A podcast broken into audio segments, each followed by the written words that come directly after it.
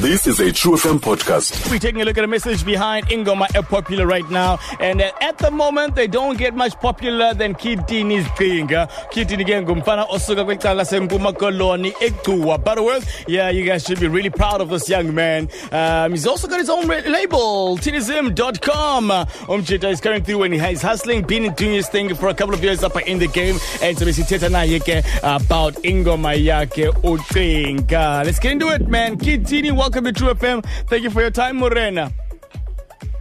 What's up? What's up? What's up, boss?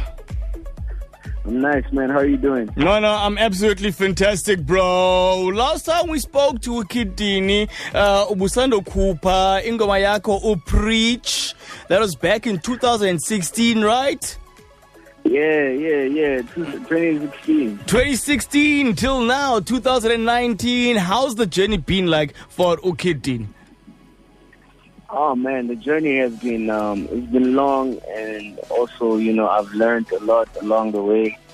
Um, it's been it's been it's been you know a trip, man. It's been a trip, bro. You know, there's there's there's some good, there's some bad, all in the name of growth, though. You know. Yeah, all in the name of growth and uh, this three uh, three year span that you've been on since the preach because preach was really a song that did very well for you and uh, right now Ucinga Naye is also coming through and doing some very good things for you. What have been some of the biggest lessons that Ukitini has funde from uh, Ukitini Lona uh, ebeku preach to Ukitini Lona Ngoku who's blowing up with Ucinga? Please say that again, sir. Biggest lessons from preach all the way up until Ucinga. What have been some of the biggest lessons you've learned as an artist?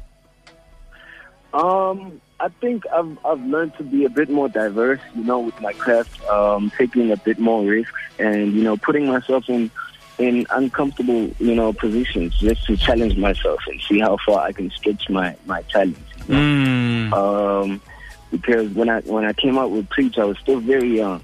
Uh, Mm. Not too young, but you know, I was still very fresh into the game. But now I, I think I've I've matured a little bit, and you know, I, I'm sure you can hear it uh, with the subject matter of my music. I mean, it's it's grown from just you know, hey, hey, we in the club, hey, hey, Mm. popping bottles, you know.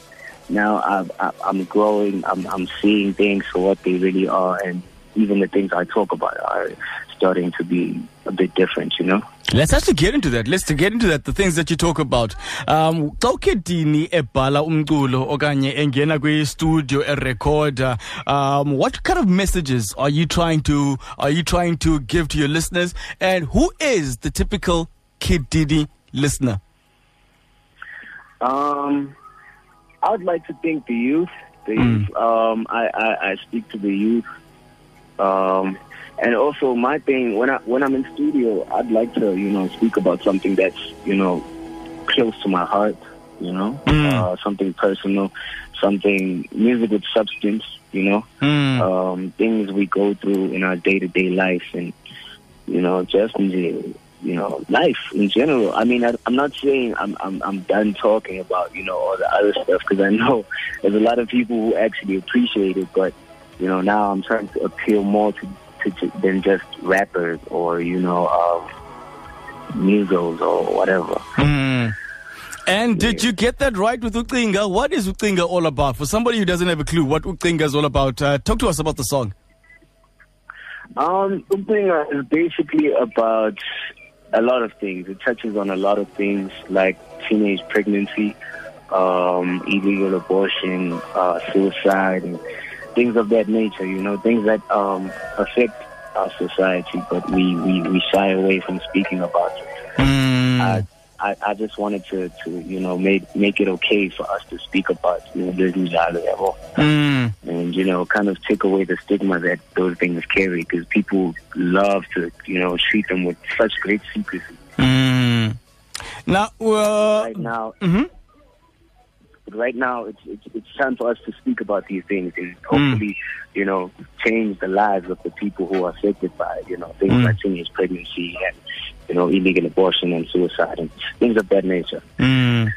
Now the song dropped. Uh, the song dropped first. Uh, it did a couple of spins on radio. Um, got a bit of buzz. People were talking about Yeah. subject matter, Lena, and then when the video dropped, um, the internet almost broke. It was crazy when the video dropped. Uh, I think a lot of people actually sat down and listened to what you were talking about. And for abantu baninzi wena Kid Tini, uh, it felt like the story was very personal to you. Was it? Yeah, Is it? very personal? And you're right about the internet almost breaking. It's crazy, bro. Like we got like a hundred thousand views in like a week. Mm. I didn't. I, I honestly didn't expect so much love, but I I do appreciate it. Mm. Um, and yes, it is very personal because I'm sharing um, a personal story. You know, when you listen to the song, I'm talking about um, an experience that I've had. You know, when I was in that situation, you know, Mm. I had to deal with. You know, um, my my partner at the time was a teenager who got pregnant and had to go through all these things. Mm. So it's a very it's a very personal song and it's very close to my heart. Yazi njengoba usitsho wena Kid Tini ukuba uh, i-subject matter zale uh, zale ngoma lena nale video teenage pregnancy abortion uh, you know depression suicide attempts yonke loo nto leyo zizinto uh, that are very taboo and uh, they're very emotionally stressing emotionally draining. So as an artist telling that story what does it take out of you you know? Dealing with all these things because these are the things that you went through as well. Yeah.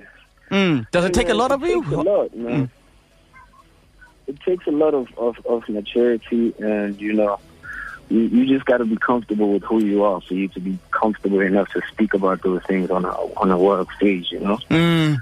So was it you dealing through these things uh, uh, with the song okanye had you already dealt with all of these emotions and then you felt "Ma, okay ngoku since ndizikhuphile zonke kum ndingayenza ingoma ke ngoku Yeah, well, as much as you know, it's my personal experience. I, I, I draw inspiration from life in general. So, you know, with the video and the song, um, took you know inspiration from life in general. You know, Mm. things that I've heard, things that you know, stories that are told in the hood, and you know, and incorporated it with my story. So it's it's it's not a hundred percent me, but like you know, just for the effect and you know, mm. uh, whatever else. I, I thought, you know, it would complement each other if I incorporate, you know, real life stories and incorporate it with mine, basically.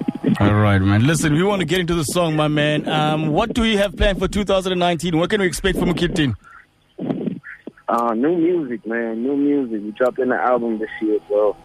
Uh, it's filled with, you know, social stories just like this one. I think, you know, the fans are going to like it.